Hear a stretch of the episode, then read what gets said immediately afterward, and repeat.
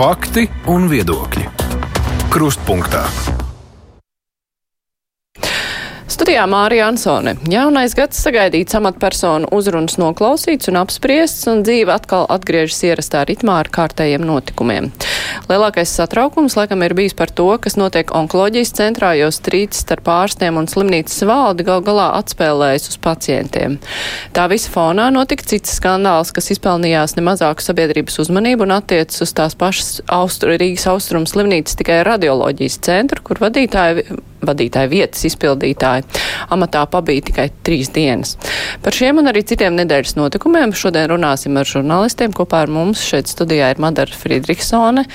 Producenta raidījumam, kas notiek Latvijā. Sveika, Madara. Sveika, Māra. Sveiki, klausītāji. Jā, studijā ir arī Pauls Rauceps no žurnāla ir komentētājs. Sveiks, Paul. Jā, sveiki, labdien. Attālināti Salija Benfelde, laikraksta brīvā Latvijas žurnāliste. Sveika, Salija. Labdien! Un mans kolēģis Aits Tomsons Latvijas radio raidījumā Krustpunktā sveiks, Aidi. Sveiki, Māri. Uh, Es sākušu ar tevi, Aidi, arī, jo tev bija šodien raidījums uh, par to, kas notiek onkoloģijas centrā. Toreiz klausītājiem atgādināšu, ka tur jau bija iepriekš situācija, kad uh, Lori gāja prom visi uzreiz, un pēc tam pašā gada nogalē bija 20, vairāk nekā 20 ārstu atlūgumu. Ārsts nav apmierināti ar to, kāda ir slimnīcas valdes attieksme pret viņu darbu. Tev, nu, pēc tava raidījuma plašāk izplatījās tas viens fragments, kur uh, Rakus padomas vadītāja tā ļoti ne, neveikli skaidroja situāciju, bet kāds tev pašam radās secinājums, tad uh, kur ir tā problēmas sakne onkoloģijas centrā? Nu, ja tu man prasītu, kam šajā situācijā jāuzņemas primārā atbildība par šo situāciju, es teiktu, ka tā ir valde. Un iemesls ir tikai viens. Nu, būtībā nu kā, skaidrs, ka valde strādā pie kaut kādas vīzijas un stratēģijas. Un ideja, kā kaut ko vajadzētu attīstīt vai virzīt, nu, ir ļoti normāli. Tas ir valdes darbs, vai ne? Un droši vien jau, ka mēs nevaram neviens sacīt, ka pašreizējā medicīnas aprūpe, un tīpaši arī domājot kaut vai par onkoloģisko aprūpi, ka viņi ir ideāli un ka tā kā ir, ka tā mums visiem apmierina, tur neko nevajadzētu mainīt. Par to jau runa nav. Bet tajā brīdī, kad jebkura stratēģija tiek izstrādāta, un tas neatiecas tikai uz austrumu slimnīcu, tas attiecas uz jebkuru uzņēmumu. Arī pieņemsim uz mūsu pašu Latvijas raidījumu. Mēs taču paši zinām, kā mums ir gājis jebkurā uzņēmumā. Tajā brīdī, kad vīzija tiek strādāta, tā tiek strādāta tā, lai darbinieki, kas tajā strādā, saprot, kas notiek pirmkārt. Labi, vienmēr būs kādas nesaprašanās, vienmēr būs kaut kādas neskaidrības, kas ir jārisina bet tās jau tiek risinātas. Tas ir sarunu veids, meklējot kopējo labumu visiem. Tas, kas man palika, protams, kāds iespējas šajā situācijā, nu, valdē ir vīzija, ko viņi grib īstenot, un iespējams, jā, ka nu, viņi ir dabūjusi arī kaut kādu politisko aizmugurē tā visa. Bet darbinieki jau nesaprot, kas notiek. Vai, pareizāk sakot, viņiem no viņu skatu punkta izskatās, ka nebūs labāk, viņu, viņu skatu punktā pat atsevišķās jomās būs sliktāk. Un tas ir veids, nu, tas, ir, tā, tā, tas ir brīdis, kurā ir jāsēžās pie sarunu galda, ir jāmeklē kopēji risinājumi, kādiem ir jāpiekāpjas, jāizvērtē, jā, jā, ir jākliedē bažas, jāatbild uz jautājumiem. Un tas ir pirmām kārtām valdes pienākums. Protams, kā ārsti ir personības. Jā, nu viņi ir personības, bet piedod, nu, tas ir labi, ka ārsti ir personības. Viņi ir, viņi ir sevi pierādījuši darbā. Un ar personībām ir valdē jārēķinās, un tie kompromisi jāatrisina. Brīdī, kad jau ne tikai kādi aiziet prom, bet kādi draud ar kolektīvu atlūgumu, tas nozīmē, ka ir neizdarīts darbs. Citādi to nevaru izskaidrot. Tur ir jāatrod visiem kopējais risinājums, bet nu, jā, tas jau ko droši vien daudz pēc šī raidījuma piebilda. Izskatās, ka par pacientiem šajā brīdī tur vismazāk kāds ir domājis. Tur notiek šobrīd savstarpējais Es nezinu, kā lai to nosauc, bet, bet tas svarīgākais jautājums, kā tas izstāsta no pacienta viedokļa. Abi jau saka, ka rūpējās par pacienta interesēm. Bet pats pacients, viņam ir sajūta, ka tur šobrīd divi savstarpēji sastrīdējušies, un kur tad viņš tur paliks un kas ar viņu notiks. Jo mēs jau taču nekad nezinām, kurā brīdī, piedod, šajā diagnozē mēs jebkurš nākošajā nedēļā varam kļūt par viņu pacientiem. Tā tas ir. Nu jā, no pacienta viedokļa pacients bez valdes varbūt var iztikt, bet bez ārsta noteikti nevar iztikt. Uh, arī no šī raidījuma varēja saprast, ka nu, tur bija tā kā tiem valdes un padomas pārstāvjiem, viņiem um, kaut kādas lietas, nu ne jau nu gluži jaunums, bet nu, viņi tikai tagad sāk risināt. Tad kam ir tagad jāuzņemās atbildība par to, jo tās problēmas ir vecas, eh, Paul, vai ir jādomā par eh, valdes padomes locekļu atbilstību amatam, varbūt, eh, es nezinu, politiskā līmenī, lai gan valdība jau ir mainījusies? Mm. Nu, man liekas, ir problēmas no augšas līdz pašai apakšai droši vien. Uh, bet ir, mums jāatcerās, ka tad, kad tika iecelts šo lielo slimnīcu padomus, nu, es vismaz no ārsta aprindām dzirdēju diezgan lielas bažas par to cilvēku kvalifikāciju, kas tiek iecelti, ja vai viņas tiešām ir atbilstoši šiem amatiem. Un tad mēs redzam situāciju, kur šis, šos jautājumus, man liekas, atkal būtu vērts kustināt. Uh, jo, teiksim, tā teorētiski, protams, ir labi, ka ir tāda padoma, kas pārvalda un skatās, bet tiem cilvēkiem, kas tos amats ieņem, ir jābūt uh, ar attiecīgo kvalifikāciju un spēju tiešām pāraudzīt, vai slimnīcā viss iet pareizā virzienā. Viņi nav tur ielikt vienkārši, lai saņemtu algu un, teiksim, tā labi izskatītos. Uh, man liekas, teiksim, bet runājot par politisko atbildību, un te es drusku vēl paplašināšu šo lauku, jo uh, par te, nu, Mums eh, šonadēļ žurnālā ir intervija viena no ķirurģiem, kas, jau ir aizgājusi. Viņa teica, jā, nu, protams, teiksim, atalgojums bija viens no faktoriem, bet viens no galvenajiem bija tas, ka viņi jau ilgstoši prasa papildus aprīkojumu, modernāku aprīkojumu, lai viņi tieši varētu labāk uh, beigt savu darbu, un ārstēt pacientus. Un kad nav radusies atsaucība šīm prasībām, e, bet, teiksim, te, nu, tas, jā, teiksim, protams, vien jautājums, viens jautājums ir komunikācija starp valdu un ārstiem par to, kā viņi paskaidro, kāpēc nevar to apatūru piegādāt, bet otrs ir, es domāju, ka noteikti daļa no problēmas ir vienkārši valsts finansējums. Un es te gribu pievērst uzmanību vienam, manuprāt, ļoti svarīgam faktam, ka pirms vēlēšanām visas partijas, kas šobrīd ir koalīcijā, parakstīja ar ārstu biedrību memorandu, kurā teica, ka apņemās paaugstināt veselības aprūpas finansējumu līdz 6,5% no iekšzemes koprodukta, kas būtu atbilstošs līmenis. Ne, tas nebūtu pat Eiropas Savienības vidējais līmenis, bet vismaz mūs pievilktu klāt pie Igaunijas un Lietuvas. Un šobrīd valdības deklarācijā tas, tā apņemšanās ir pazudusi, un viņi noformulēti tik apaļi, ka tu, nu, kā procents no budžeta, kas ir kaut kas cits, ja, un turklāt, teiksim, pārreikinot, nu, droši vien, ka tā, tie aprēķini varētu staigāt šurp turp, bet pēc būtības sanāk, ka viņi apņems tikai saglabāt esošo finansējumu, ja, un ar to acīm redzot nepietiks. Un no tā viedokļa, piemēram, ministrē teikt, atrisiniet problēmu, nu, lūdzu, bet kur būs budžeta nauda, lai šos, šīs problēmas atrisinātu? Bet, ja runa ir par attieksmi pret darbiniekiem no valdes eh, puses, tad, eh, nu, tad šis te valdes jautājums, acīm redzot, ir pirmais risināmais. Jā, nu, ja mani atmiņa neviļ paeglīša kunga, kas ir uh, rakus valdes priekšsēdētājs pilnvaras ļoti drīz beidzās. Un uh, iepriekš bija šī informācija arī no viņa paša pausts, ka viņš atkārtoti uz vietu valdē nepretendēs. Es neesmu dzirdējis, ka tur kaut kas būtu mainījies. Līdz ar to, nu, ja cilvēks ir uz čemodāniem, varbūt viņam arī ir mazliet mazāk ieinteresētība uh, risināt problēmas, kuras ir nākotnes problēmas, rītdienas problēmas, vai pēc mēneša, vai, vai patiesībā nākamā valdes priekšsēdētāja problēmas. Uh, tā ir tā viena daļa. Uh, tā otra daļa kas attiecas uz šo tā saucamo kapitāla sabiedrību valdēm, nu, no vienas puses jau ir pareizi pieņemt, ka uh, kapitāla sabiedrība ir kapitāla sabiedrība, un lai tur, lai lai ir gluži gandrīz gluži vienalga, vai tas ir dzelzceļa vagoni vai tā ir slimnīca. Pirmkārt, nē, sāksim ar to, ka Kliniskās universitātes slimnīcas par savu pakalpojumu saņem šos fiksētos tarifus, tarifus, kas tiek noteikti lielā mērā administratīvi un izējot no kaut kādām valsts budžeta. Uh, pozīcijām. Patiesībā šie pakalpojumi netiek apmaksāti pēc pilnām to izmaksām vispār. Tā ir, tā ir viena daļa. Ja.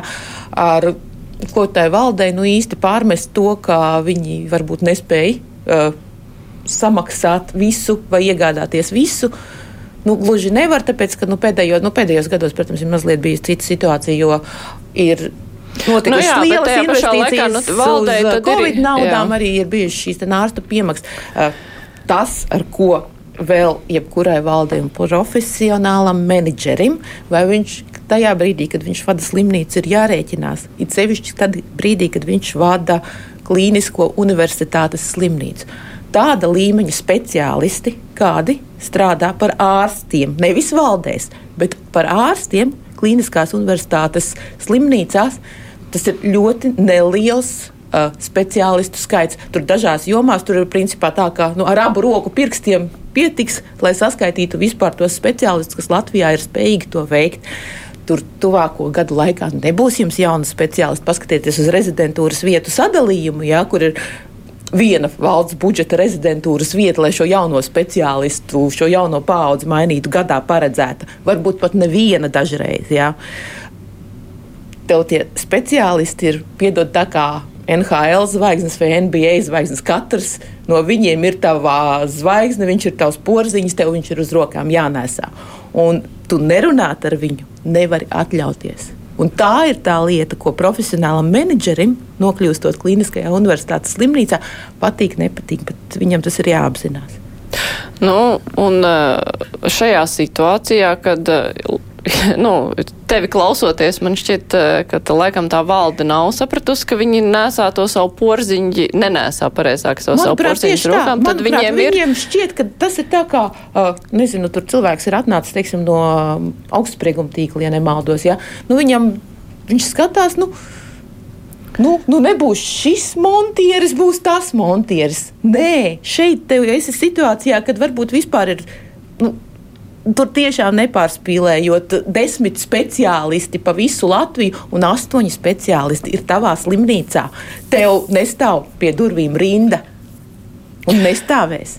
Nu, labi, Salī, tad atgriežoties pie tā, ka mēs esam kādu laiku nu, kā mēģinājuši citādāk raudzīties uz uh, šo kapitāla sabiedrību valdēm un uzraugošajām padomēm, un tur nu, tiek rīkot konkursi, lai saliktu pareizos cilvēkus pareizajās vietās. Uh, tad tā pieeja kaut kā nav nostrādājusi, tavuprāt, vai tomēr? Es, dom es domāju, ka pirmām kārtām, ja runā par pieeju, uh, un cilvēku izraudzīšanu, un reti acīm redzot, tomēr, nu, savējie ir savējie. Ja, nu, piemēram, šis te tavs pieminētais skandāls ar, ar dažas dienas amatā pabijušo kundzi. Nu, tas vien jau liecina, jo es, teiksim, noklausoties to, ko viņi saka, es nesapratu, vai tas ir melnais humors vai vēl kaut kas. Ja? Nu, nu, es neiztirzāšu, nav vērts to tam laiku vispār tērēt. Jo, teiksim, tā varētu pateikt, piedodiet man pārdevēji tirgū, starp citu, jāpājot ar, ar, ar blakus kolēģīti. Nu, par, par to, par ko viņi faktiski neko nezina. Ja? Tā, bet ne, par, pat, ne tas ir galvenais.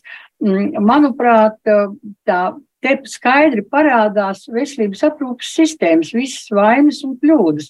Un man ļoti bieži izskatās, ka Mm, pacienti vispār kaut ko var saņemt un, un saņemt, nu, kā mēs gudri sakām, pakalpojumu.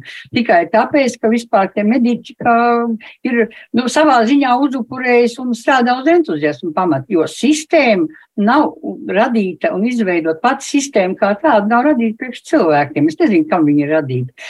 Naudas, teiksim, apkalpošanai, es tiešām nezinu. Jo, piemēram, ja mēs par to pašu onkoloģiju, nu, tas pats zaļais ceļš, Ja? Nu, nav taisnība. Zaļais ceļš joprojām strādā tikai daļēji. Nu, es vienkārši to zinu. Es, nu, protams, tagad nesāku stāstīt konkrēts uzvārds un konkrēts cilvēks, kas šobrīd ir citu guļturu onkoloģijas centrā. Ja? Bet tā, nu, tās ir visas muļķības. Tas zaļais, zaļais ceļš vispār viņa praktiski tikpat kā nav. Nu, ja paveicis, tad ir. Ja ne tā paveicis, tad viņa nav. Līdz ar to nu, tas ir tikai loģiski. Un man, piemēram, nu, tā ļoti pirms stāšanās amatā slavētā Mendelsons kundze, nu, mani šokēja viņas nostāja, jums tas ir jāatrisina. Nu, kādā veidā tiešām, kā kolēģi teica, nu, kā tas ir atrisināms? To nevar tā atrisināt pie esošās sistēmas, pie esošā finansējuma un patiesībā arī pie esošās izpratnes. Ja? Nē, es domāju, ka Salīna ne tā. Ja tā pamatlieta nav naudas jautājums šajā brīdī, manā skatījumā, arī attieksme, tā, tā pamat problēma jā, ir spēja vispār vienoties par kopējiem, kopējo vīziju. Man nu, šķiet, ka tā, tā ir tā tāpēc problēma. Šī sistēma, šī jā. sistēmas vadība, kas ir viena lieta, un viss pārējais. Jo, sapot, varētu domāt, ka veselības aprūpe ir domāta ierēģiem, vadītājiem, es nezinu, nu, nu, teiksim, visai tai pusē. Un tie cilvēki, kas ir pacienti, ir starp citu, tie ir pakārtot. Ja mēs sāktu no otra gala, ka pats pirmais tajā sistēmā ir tas pacients, tad arī būtu citādāk. Te jau Nu, it kā- tieši to skaidri parāda. It ja? kā jau abas puses saka, ka viņas strādā pacientu labā. Redzi, Nu, man atbildot uz tavu jautājumu, es sacītu tā. Tāpēc jau ļoti labam menedžerim maksā lielu algu, ka viņš spēj pārzināt savu laukumu, un kas ir kaut kāda konkrētā nozara, šajā gadījumā veselības nozara, un spēj būt labs finanšu menedžeris. Un šīs divas lietas salikt kopā, mēs redzam, cik ir grūti šādu cilvēku. Tas ir liels talants. Šādu cilvēku Latvijā nav daudz. Mēs esam gatavi maksāt lielas algas uzņēmumu vadītājiem, bet apvienot šos abus nenākas viegli. Lielākoties jau tā pieredze ir tāda, ka mēs ieliekam finansistu, kurš ar laiku, protams, iemācās tajā nozarē orientēties. Bet arī kā nu kuram mēs redzam, sanāk. Vai arī otrā galā mums neiemācās sadarboties un izveidot mediķi, tā, vai mēs visi- ieliekam mediķi, kurš, protams, Kurš, savā kurš atkal nav jomā- menedžers? jā. Jā, kurš ir, bet kurš nav menedžers? Nu jā. jā vai nu tā vai ir tā problēma. Un runājot, protams, par padomu šajā gadījumā, nu, droši vien, ka mēs ritināmies atpakaļ tajā pašā stāstā, kurā mēs bijām 90. gados, no kura mēs it kā ar prieku izvirzījāmies ārā. Nu, tā pati Austrums slimnīcas padomas vadītāja, viņai ir pilni divi darbi, cik es saredzu. Viņa strādā Lumināra bankā, tas, tur ir viņa kaut kāda nodaļas vadītāja, un viņa ir indekso. Pārgājuši no padomus, tagad pilnā komandā. Tas ir divas bankas. Viņa tur jau strādā divas pilnas darba vietas. Viņa ir padomus locekle elektroniskajos sakaros, kas ir vispār kaut kāda pilnīgi cita opera, pasaules cita opera. Un viņa ir padomus vadītāja Austrum Kliniskajā slimnīcā, kas ir iedomājies, kas par milzīgu atbildību viena Austrum Kliniskā slimnīca. Uh, nu, tas nozīmē, ka šis cilvēks nu, pēc idejas. Viņš pēc idejas nevar šo lietu. Nu, es nezinu, nu, tur jābūt kaut kādam nenormālam ģēnijam, bet pēc tādas Jā, jā, neizskatījās. ne, nu, Jā, raidījumā tā neizsījās Pauli. Bet es vienkārši gribēju piebilst, es domāju, ka noteikti ir attieksme, ir svarīgs faktors, bet nauda arī nav maz svarīga. Un es vienkārši gribu nosaukt vienu skaitli, es varētu drusku kļūdīties pa centiem, bet um, ķirurgi, ko es minēju, viņi teica par. Uh, operācijām, kas nav onkoloģiskas, bet kuras viņi arī veic šajā centrā. Un, uh, līdz ar to nesaņem par to piemaksu. Un kuras bieži vien ir ļoti, arī ļoti sarežģītas un laikietilpīgas, uh, saņem brutto 9,40 centus stundā. Ja? Respektīvi, par 5 stundu operāciju nu, kaut, kaut kā tur mazāk par 50 eiro. Ja? Nu, nu, tā nevar būt ar tādu līmeņu speciālistiem. Nu, tā nevar būt. Un tas ir tieši tas, ko te, Madara teica, pat nu, tos tarifus nosaka administratīva valsts. Ja? Tā ka nu, te ir jābūt arī. Bet nu, kā- klīnikai tomēr ir iespēja arī maksāt vairāk Droši vien, jā, droši vien, jā, bet nu, es saku, bet, teiksim, ņemot vērā, es saku, mūsu veselības aprūpas sistēma tiek finansēta uh, uz trešdaļu mazāk nekā, ne, nekā piemēram, Igauni vai Lietuvieši. Jā, un tur nu, vienkārši tās naudas nav. Bet ir jau vēl viena lieta. Starp citu. Tie dabaga, atvainojies, ļoti daudz ārstu strādā divās vietās, tikai tāpēc, lai viņi normāli nopelnītu. Un tad sākas tas aburtais sapnis. Pacienti neapmierināti un saka tā, ko viņi vispār iedomājas. Viņi tādas naudas pelna, un vēl viņiem laika nav. Lai gan patiesībā viņi, viņiem tā laika nav, un viņi iet no vienas darba vietas uz otru darbu vietu. No daudz ārstu labi speciālisti. Tikai tāpēc, ka vienā darba vietā viņi nevar nopelnīt normālu algu. Arī fakts, jā, tā tas ir. Nu Milzīga, jā. milzīga utopija. Jā. Es, es kā cilvēks, kurš tiešām jāteic, ka ir izaudzis ārstu ģimenē, varu pateikt, tas tā vienmēr ir bijis. Mm. Arī kopš tā jābūt arī vienmēr. 80. gados precīzi tieši tāpat bija. Mani vecāki vai nu vienas klīniskās universitātes slimnīcas, teiksim, stradiņu ietvaros, strādāja vairākās nodaļās, vai tēva gadījumā viņš, piemēram, strādāja tajā, kas tagad ir uh, neatliekamās medicīniskās palīdzības uh, dienests. Plus bērnu klīniskā universitātes slimnīca, reanimācija un tam līdzīgi. Mēs patiesībā tajā brīdī, kad tie ārsti nestrādās tajās divās vietās, vai trijās vietās, vai laikam rekords, ko es esmu dzirdējis, ir sešas vietas patiesībā. Jūs iedomājaties, principā tur arī būs šīs brīvās vakances, tur šo speciālistu nebūs. Jo nav jau tā, ka viņi būtu aizņēmuši tagad tās divas, trīs vietas. Nu jā, nu jā, bet uh, nu labi. Tā nav norma. Salija, jā, Salija, Salija, tev madara nedzird šajā brīdī, kad ir ieslēgts mums mikrofons. Tāpēc, uh, bet uh, šis atalgojuma sistēmas maiņa, par ko tagad domā, tas arī, protams, ir ļoti liels un plašs stāsts, kurš arī ir orientēts uz to, lai ārstiem nevajadzētu strādāt tajās daudzajās vietās.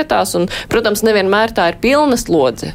Ir arī tā, ka ir pieņemšana vienā slimnīcā. Slodze nodrošina to, ko mēs saucam par pakalpojumu pieejamību pacientam. Nu jā, bet nu, katrā ziņā nu, tā kā veselības ministrija ir teikusi, ka mēģinās to risināt, bet tas ir arī tāds atsevišķs plašs stāsts. Bet, lai mēs nepaliktu tikai šajā tematā, es gribēju tomēr vēl pievērsties šīs te administrācijas izvēles problemātikai, kāpēc es pieminēju radioloģijas centru un trīs dienas ilgušo karjeru vadītāju vietas izpildītājai. Viena lieta ir, kāpēc viņi tika atlaisti. Nu, tur bija saistīts ar to, ka tas neatbilst slimnīcas tēlam, šāds Instagram, Instagram video, ko viņi izplatīja.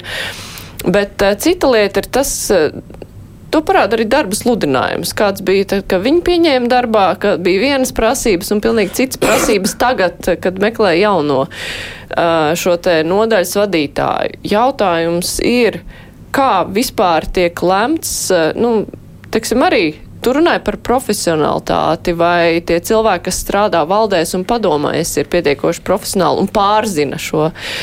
Šeit ir runa par vienu nodaļu, kur cilvēks arī šķiet nepārzina, ko viņš īsti vada. Nu, tad eh, jautājums, vai cik plaši mums ir izplatītas tādas, nu, tādi vadītāji, kuri varbūt nav īsti pārzinoši, kuri ir tīri administratori, kur varbūt iemācīsies, bet varbūt nē. Nu, šajā gadījumā es arī izlasīšu tos sludinājumus, kādi nu, viņi ir. Protams, ne jau Ruta, Ruta, Ruta Zatlere izdomāja šī sludinājuma tekstu. Pieņemu, ka arī negluži varbūt valdes līmenī rakusā tika izdomāts šis teksts kāda, un šīs prasības.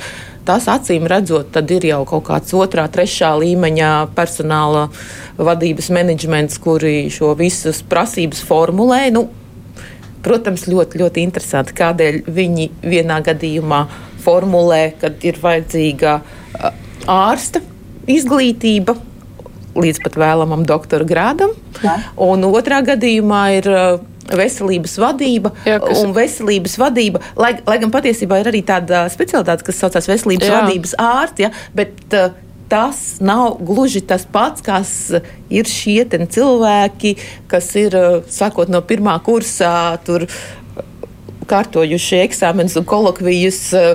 Latīņu, Amerika, lat, latīņu valodā nosaucot visus mazākos skeleta kauliņus. Jā, tās, tās ir divas pilnīgi dažādas lietas. Vai radioloģijas centra vadītājam ir jābūt patiešām tam, kurš var to skeletu visu latīniski nosaukt. Varbūt arī, ka nē. Bet tad ir jautājums, ko šī slimnīca pati zina, ko viņa grib no tā radioloģijas centra vadītāja. Ja vienā gadījumā viņam prasa šo ārsta grādu, otrā pietiek ar veselības vadību, un tad tur vēl ir kaut kas par personāla vadību, mārketingu un tā tālāk. Jo nu, diezgan ticams, ka tie, kuriem būs šis ārsta grāds, nu, nebūs ar tām milzīgajām pieredzēm, vai cik tur triju gadu vai piecu gadu pieredzēm personāla vadībā un tam līdzīgi. Bet tad, eh, jebkurā gadījumā, tad eh, mums ir stingri jānodala. Ārsts ir ārsts un vadītājs ir vadītājs, un uh, tam nav jāputrojās.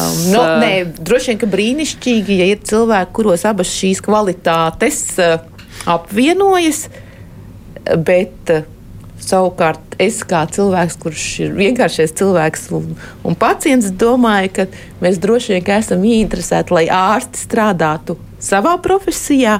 Nu, un, ja viņi sevī jūt jaudu vēl kaut ko vadīt, tad lai viņi to vadītu. Ja? Bet patiesībā nu, nav mums tik daudz kvalificētu ārstu, lai mēs atļautos viņus arī vienkārši izšķiest šajā administratīvajā darbā un atskaišu pildīšanā. Nu, katrā ziņā vismaz man no tā viss ir radies tāds iespējas, ka mums ir mazliet putra šajā sistēmā, ka mēs paši īsti nezinām, ko mēs tur īsti gribam redzēt. Un, ja rezultāts ir tāds, ka pacientiem ir slikti, ārsti nav apmierināti, tad skaidrs, ka tur nu, nav īsti labi. Bet nu, es domāju, ka mēs arī ar šo te ves par veselības aprūpu arī ar to beigsim. Es atgādināšu klausītājiem, Madara Friedrichsone šodien ir kopā ar mums uh, no raidījuma, kas notiek Latvijā, ko mēs skatāmies. Latvijas televīzijā. Salība Benfelde ir no laikraksta Brīvā Latvija un laiks. Aidis Tomsons, Latvijas radio raidījums kruspunktā, es teicu tā, eju uz rīķi, un Pāls Rauceps, žurnāls ir komentētājs. Mēs tūlīt turpināsim. Raidījums Krustpunktā. Jaunais gads bija amatpersonu uzrunas. Es personīgi teikšu godīgi, ka es vismaz tajā vecā gada vakarā tur tāds ņigu ņēgu, nu es galīgi rūpīgi neklausījos ne premjeru, ne prezidentu, pēc tam pārlasīju, fragmentus dzirdēju. Bet es nezinu, vai tas ir tas pats svarīgākais, jo nu, šajā gadā tas, kas visiem visvairāk acīs iekrita, bija Zelenska, prezidenta Zelenska uzruna, kur bija ļoti iespaidīga. Bija, kas redzēja, ko Putins teica. Es nespēju to visu noskatīties, eh, tāpēc, ka vienkārši rokas sāk dusmās trīcēt. Bet, nu, tās savukārt uzrunas taču stāsta par to, nu, kas notiek pasaulē. Mēs varam secināt kaut ko. Mēs redzam, kas ir Ukraina, kāda ir Ukraina, un mēs redzam, kas ir Krievija. Un varbūt ko no tās sagaidīt. Paula, kā, ko tev šīs uzrunas stāstīja? Tu taču skaties, ne? Um, Latvijas amatpersonu uzrunas. Nē, Zelenska. Un, Zelenska. Un, nu, par Putinu es domāju, ka tur bija. Uh, man liekas, ka vienīgais, kas aizķēra kaut kādu cilvēku uzmanību, bija viņa kāsēšana tur pa vidu. Jā, teiksim. Un tas uh, čekistu foniņš. Nē, nu, nē nu, tas, protams, arī, jā, teiksim, tas uh, viņa tas štata,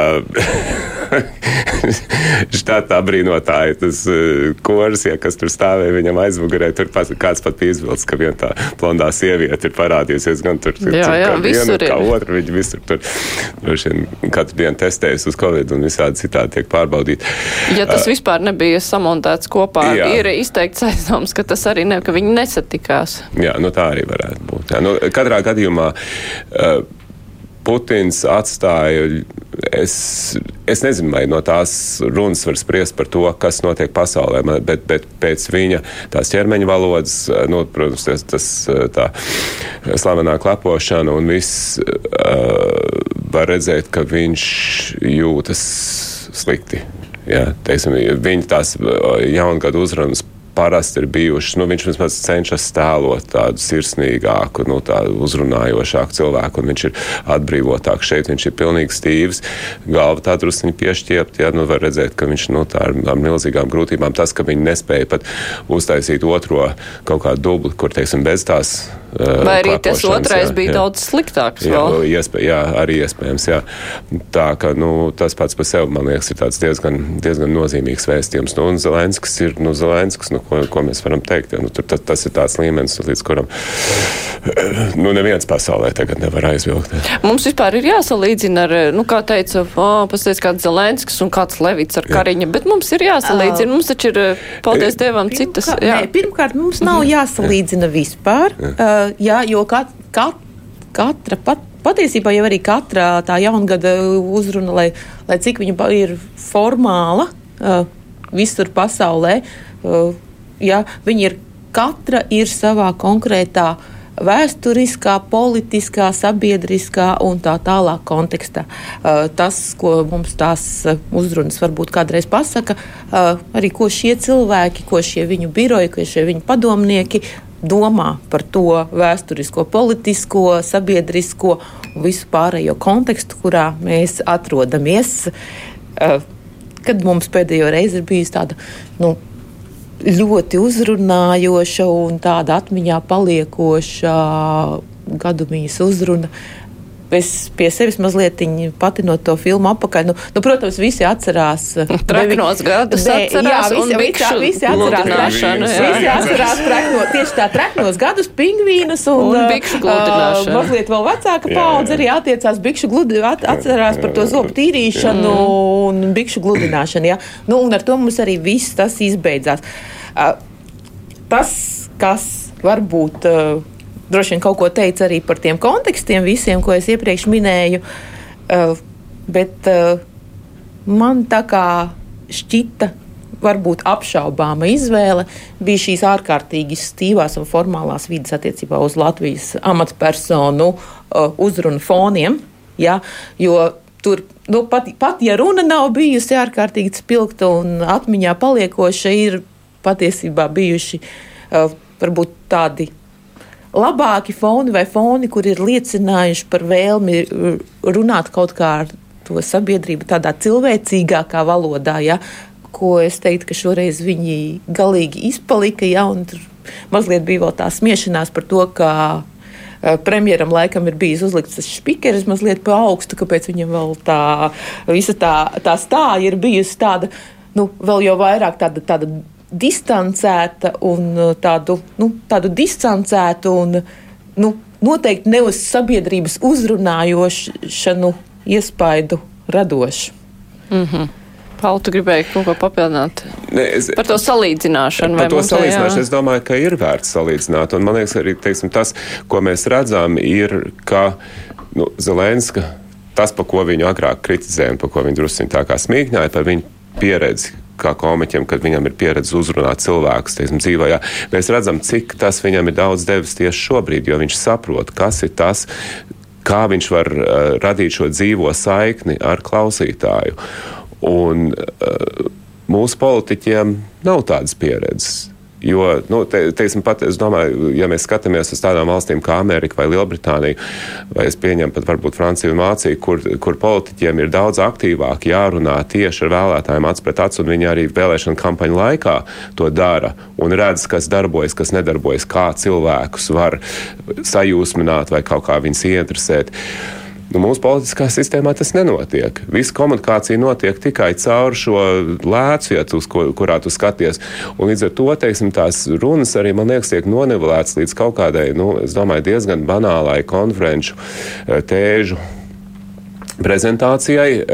Mēs eh, redakcijā druskuļā pat smējamies, ka šīs runas būtu varējis uzrakstīt tas slavenais chatbots, jo pēc būtības tur ir vienkārši saņemts kopā un salikts par, teiksim, nu, tur ja, ierakstīt, ja, ja, ja iekšā pēdējo 30 gadu jaungadu runas, ja, un tas chatbots kaut ko tam mm. līdzīgi arī apmēram izspļaut. Ja, un, varbūt pat labāk jā. nekā tas rezultāts, kas bija jā, šoreiz, jā. jo, jo viņš tiešām, nu, bet ne, ne, nesalīdzinājumā ar Zaļenski, bet uh, vispār viņš bija pat nu, bet, īpaši stīvs, teiksim nu, tā. Nu, jā, un, un, un, bet, bet tā ir problēma, jo tomēr, teiksim, politiķiem eh, bez vispārējā, kas viņam jādara, teiksim, pieņemot likumus un teiksim, atrodot kompromisus ar citiem politiskiem spēkiem, šāda līmeņa politiķiem ir jāspēj uzrunāt cilvēkus un viņus kaut kādā veidā, teiksim, jāpacilāt. Jā, tā ir sevišķi šādos brīžos. Un, nu, pagaidiet, nu, nu, tas nenotiek. Salī, tevi nedzird, tevi nedzird. Uh, jā, bet es arī gribēju tev pievērsties, bet Zelenskis savukārt uzrunāja ne jau tikai Ukraiņus, viņš uzrunāja visu pasauli. Un, uh, nu, tur arī tās, tas, tā situācija tik ļoti stipri atšķiras. Un patiesībā Pauls jau pateica daļu to, ko es gribēju teikt, ka Zelenskim ļoti par labu nāk tas, ka viņš ir profesionāls aktieris. Un tas nav slikti šī gadījumā, tas vienkārši plus, bet ir vēl viena interesanta lieta. Es tomēr pat, pat, patiesībā katru dienu kādu nelielu laiciņu vismaz skatos Ukraiņu to televīzijas kanālu, kas raida krievu valodā, jo Ukraiņu valodas neprotu. Uh, Freedom Un es patiesībā gan iz katru dienu redzu un dzirdu Zelensku. Līdz ar to to saturu es varēju salīdzināt. Un pēc jaunā gada es atvēru viņu mājaslapu un izlasīju to runu. Jau, nu, jau uzrakstīt, rindu par rindai ļoti rūpīgi. Un tas, ko es gribu teikt, Tur viss ir ļoti pareizi un pareizi akcents salikti, bet patiesībā es sekojot līdzi kopš faktiski 24. februāra tam, kas Ukraina, nu, ko, ko teiksim, saka prezidents un kas tur notiek, mm, nekā jauna tur nebija. Tur nebija nekāds jauns spilgts pavērsiens. Es pieļauju, ka ja cilvēki, teiksim, šeit Latvijā kaut ko dzirdētu katru dienu, ja, tad, tad, ja tas ir, teiksim, jaungad runā, protams, ļoti labi profesionāli pasniegts un, un tā tālāk un tā tālāk, viņi arī teikt, nu jā, pareizi jau ir, bet nekā jauna tur nebija. Tur arī nekā jauna nevarēja būt, jo patiesībā viņš jau sen ir, nu, labu laiku jau ir salicis visus tos starptautiskos akcentus un, un, un tā tālāk. Ja.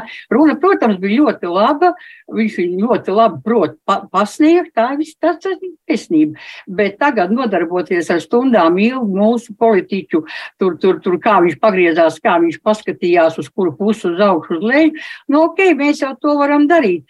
Tikai es domāju, jēga tam kādu. Mēs vienkārši paši sev kārto reizi iestāstam, cik mēs esam nabadzīgi slikti, vissliktākie. Mēs pat runu nevaram. Redz, kā Zelenskis var, nu nepārspīlēs, nu lūdzu, kolēģi, šīs lietas sarunāts.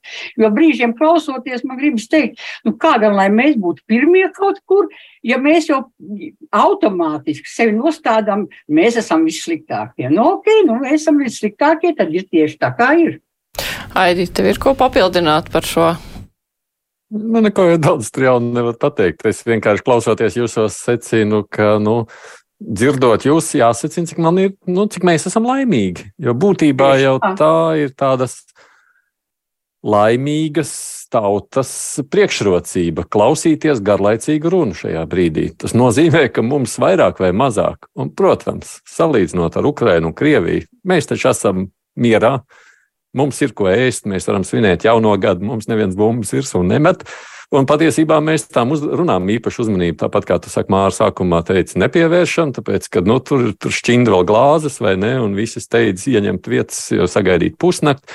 Tā tam ir jābūt. Tā ir normālas sabiedrības, manuprāt, vismaz tādas sabiedrības, ko es gribu uh, turpināt piedzīvot, kad nevis man jāuztraucās, jā, ko pateiks prezidents vai premjerministrs, bet ka es varu viņu pa pusē neklausīties. Patiesībā viņš fonā mani nomierina, ka viņš tur kaut ko saka, ka redz, mēs tur dzīvojam, šis gads pagājis, nākošais cerams būs arī labs. Nu, kaut kā tā, tā tam ir jābūt. Krievija un Ukraina ir cits stāsts, un es ļoti gribētu cerēt, ka nākošajā gadā Ukrainā jau kaut kas būtu līdzīgāks kā pie mums. un par Krieviju labāk neizteikšos. Nu, tas, ka Putins ar savu runu gatavoja visus karam, nu, tas jau bija tā arī ļoti acīm redzams, nevis eglīte, bet armīnieka aizmugurē. Viņiem būs tā vispārējā mobilizācija, kā tu domā, Paula? Es domāju, ka viņam nekas cits neatliek. Viņš ir sevi iemanevrējis situācijā, kur, protams, atpakaļ atkāpties viņš vairs nevar. Jo tas nozīmētu pašam zaudēt labākā gadījumā tikai amatu.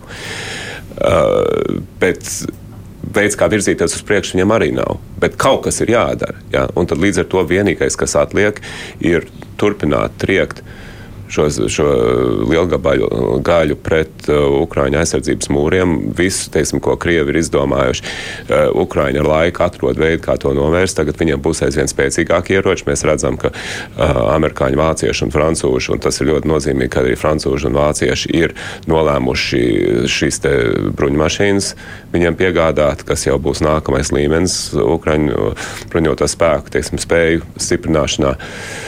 Uh, bet ja Putins apstājas, tad ar to arī viņam viss ir cauri. Ja, tā, es domāju, ka nu, tas, tas vien, tā, mūsu tā cerība var būt tāda vienkārši, ka viņš to visu to sistēmu, visā tajā sistēmā izraisīs tādu stresu ar šo nemitīgo dzīšanos uz priekšu, ka tā sistēma pats sāks ātrāk sabrukt no iekšpuses, jo, jo apstāties viņš neapstāsies.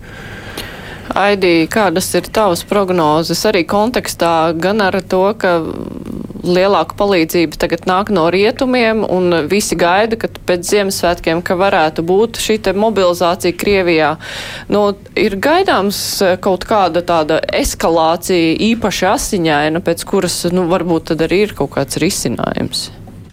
Nu, mēs, protams, nezinām, vienmēr ir iespējami kādi negaidītie saskaitāmie, bet tur jau nevar nepiekrist Paulam. Putinam nav kur atkāpties, un es domāju, ka visas šīs pieminētās bruņmašīnas, un jā, es tur arī tanks jau pieminēju, jo Lielbritānija runā par tankiem, ja Somija mazliet runā par tankiem, un patiesībā jau arī vācieši saka, ka viņi ļoti pieļauj, ka nākotnē arī šis jautājums varētu aktualizēties. Es domāju, ka tas tikai rāda, jo rietumi arī saprot, ka visticamāk ir gaidām priekšā viena asiņaina, izšķiroša cīnīšanās. Un, jā, man nav nu, labas priekšnojautas nav, bet nu, vienmēr ir cerība uz to, ka kaut kas notiek negaidīti. Pasaules vēsturē tā ir šad bijis, uz to arī ceru. Salī, kādas no. Nu, tavas prognozes? nu, par mobilizāciju, tu saproti, neatkarīgi jau no tā, vai viņu oficiāli izsludinās kā vispārēja mobilizācija, kā daļēja mobilizācija, vai vispār neizsludinās. Viņa notiks, tas ir pirmkārt.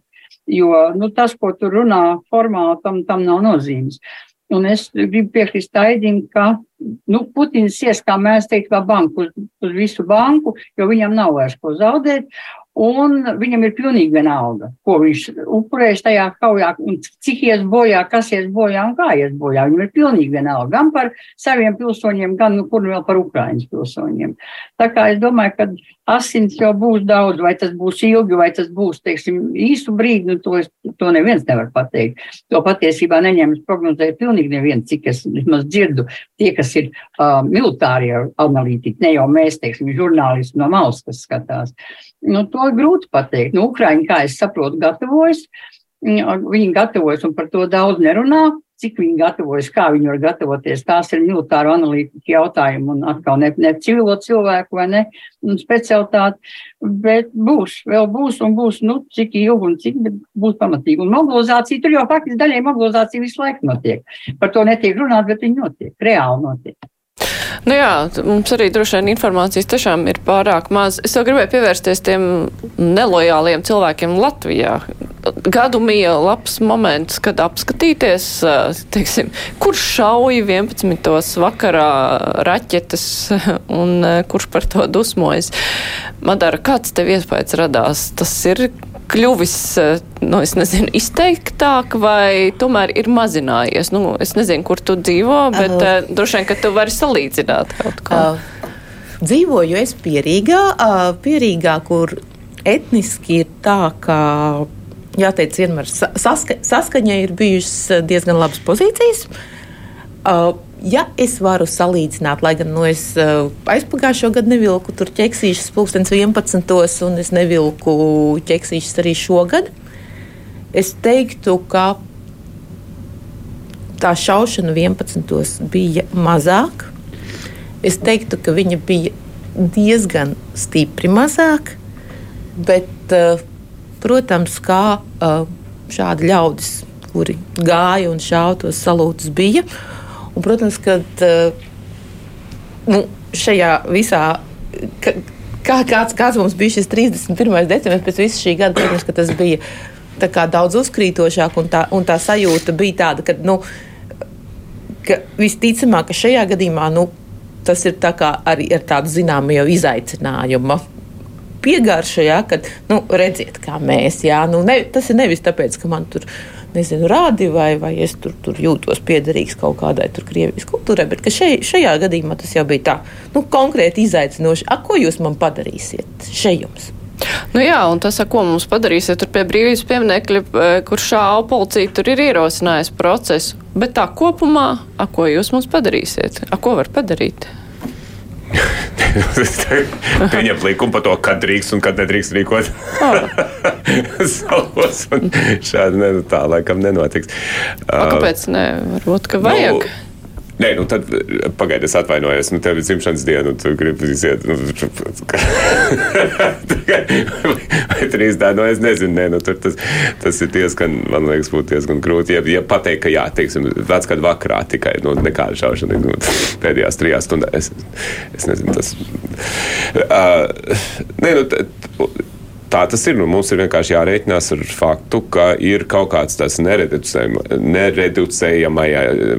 labi, neteikšu, tāds, tāds cietais kodols, kurš, mm -hmm. kurš, kur, nu, viņi būs, jā, un nu, viņi ir, tad šī problēma ir jāmenedžē, jā, viņi ir jātiek galā, un es, teiksim, tā, es mazāk varbūt pat par to par to uguņošanu uztraucos. Es domāju, teiksim, nu, ir cits, cits izpausmes, kur domāju, mēs diezgan labi ar visam tad, nu, tā vēršanos pret uh, ukrāņiem un pret karogiem un tā tālāk. Nu, tur gan ir jābūt ļoti stingriem.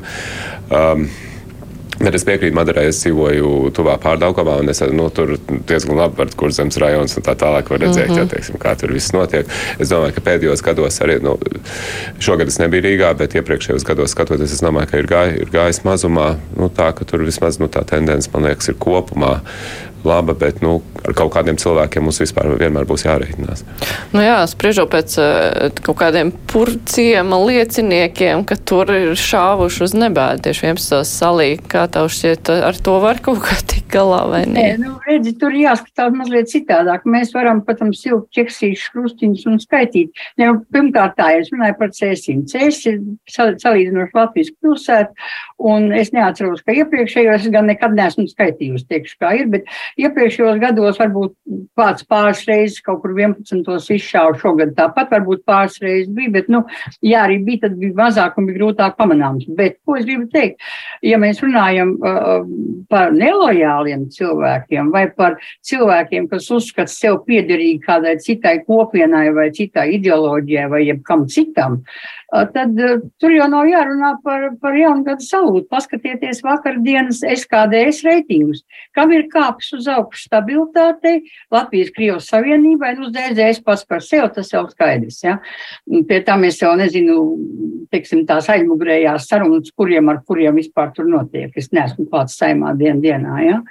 Tā kā runāsim, ja mēs runājam par lojalitāti vai nelojalitāti, tad skatieties lūdzu uz, uz, uz reitingiem pēdējiem. Tas vai izsaka daudz vairāk nekā to, kurš, teiksim, tur pūkstens 11. varbūt iedzēris mazliet vairāk nekā vienu glāzīti nolēma. Nu, tad es jums visiem parādīju gribu un šauru varbūt nedomā vispār neko. Ne Maskavas, ne Briseles, ne, ne Rīgas, ne, ne, vēl, ne, ne Ņujorkas virzienā, teiksim. Ja? Tā kā nu, skatīsimies reitingus, ja runāsim par lojalitāti un par izpratni par to, kas ir Latvijas valsts. Nu, bet pagaidi, bet. Uh... Ja tie cilvēki, kuri vīlušies valdības sarunās, piemēram, nu, viņi jau nav kļuvuši nelojāli, Tajā pašā laikā, nu, ja kāds ir atzīmējies, ka viņam vairāk patīk stabilitāte un ZZS, Nu, tad jautājums nesaku, ir, kāpēc? Es, es nesaku par nelojālu. Nē.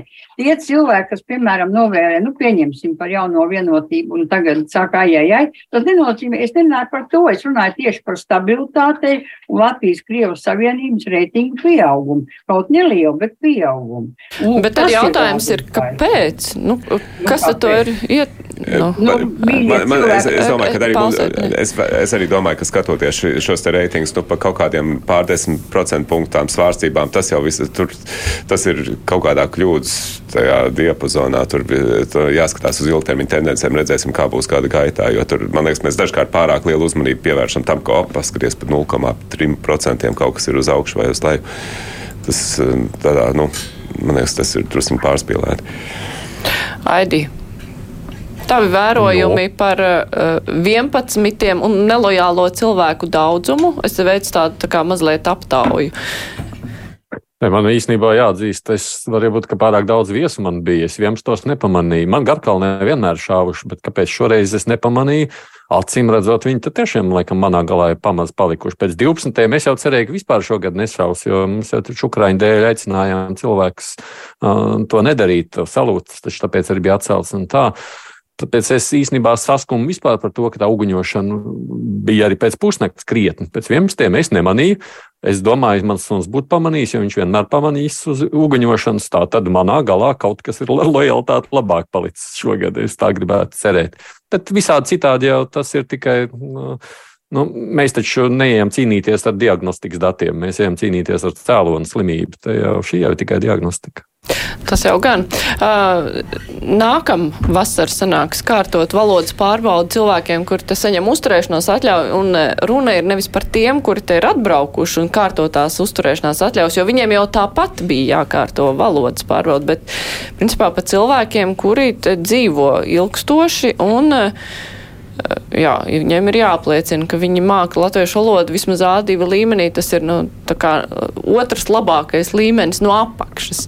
Uh, ir pie psihiatriem jau gājuši pēc pārbaudas, nu, pēc apliecinājuma, ka nevar iemācīties. Paula, kā tev šķiet, kas varbūt attaisnojums nevarēt iemācīties valodu minimālajā līmenī?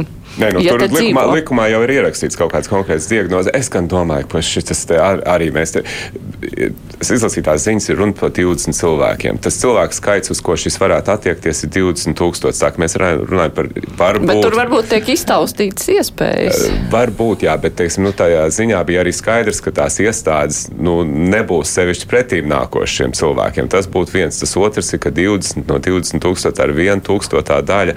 Nu, Varbūt tas norāda uz kādu citu diagnozi, ne tādu, kas viņai ļaus izvairīties no eksāmena, bet nu, katrā ziņā nu, es, es, es neuztvēru to kā tādu ļoti nopietnu signālu, nevienādi, ne otrādi. eh, eh, Bet kas man liekas, gan ir svarīgi, ir, ja mēs skatāmies uz šo, tas cilvēku skaits ir, nu, neviens īsti nezina, cik, cik cilvēkiem būs jāliek 20 tūkstoši, ir liekas tā zemākā robeža, varētu būt arī vairāk, bet uh, vienam, kas man liekas ir ļoti būtiski, ir, ka tā iestāde, kurai būs jāpieņem šie. Uh, Eksāmeni viņi jau teikuši, nu, gadā viņi līdz šim ir eksaminējuši ap 4000 cilvēku. Tā ir viņa kapacitāte. Tagad viņiem būs 9 mēnešu laikā. Piecas, varbūt sešas reizes vairāk cilvēki uh, jāpārbauda. Uh, un kas būtu, man liekas, pilnīgi nepieņemami no tiesiskas valsts viedokļa. Man, es, jā, Es esmu pieprasījis, lai viņiem, lai cilvēki pierāda savas latviešu valodas zināšanas, bet tad viņiem ir jādod iespēja to faktiski izdarīt. Un, ja sanāks tā, ka, redz, pienāks septembris un teiks, ka jūs neesat pierādījuši, ja es esmu rindā, es esmu uz nākamā gada vidus rindā. jā. PMLP. Jā, nu, nu, bet kas tas tāds ir? Jā? Nu, tā, tur, nu, tas, man liekas, ir tam būtu jāpievērš uzmanība. Ja, nu, ja mēs prasām viņiem pierādīt tās zināšanas, tad mums ir viņiem arī jārada iespēja to izdarīt. Jā, nu, interesanti ir, kā ir šobrīd ar tām rīnām, bet vispār eh, tas uh, skaitlis ir ļoti liels, kam ir jāpierāda Jā. zināšanas. Interesanti, vai uh, nu, kāds būs atbirums. Jo tas arī varētu būt tāds uh, Un liels. kas ar tiem cilvēkiem notiks? Nu, es domāju, ka tas, nu, mēs, protams, varam teikt, nu, paši vainīgi, jā, bet. Nu, kas tas būs? Jā? Teiksim, un, un man liekas, teiksim, no tā viedokļa. Um, Es nezinu, teiksim, tas, eh, tur tās sekas varētu būt diezgan, arī diezgan neparedzējams. Teiksim, ja, ja ir liels skaits cilvēku, kuriem vairs nav kur likties, nu, tā. Jā, kuriem jābrauc ir kaut kur uz Krieviju, Madara. Uh, nu, attiecībā uz tām pašām tī- tīri uz psihiatru izziņām patie, patiesībā ir tā. Un, uh, savulaik ir uh, nācies žurnālistikā strādājot, arī mazliet šai problemātikai pievērsties.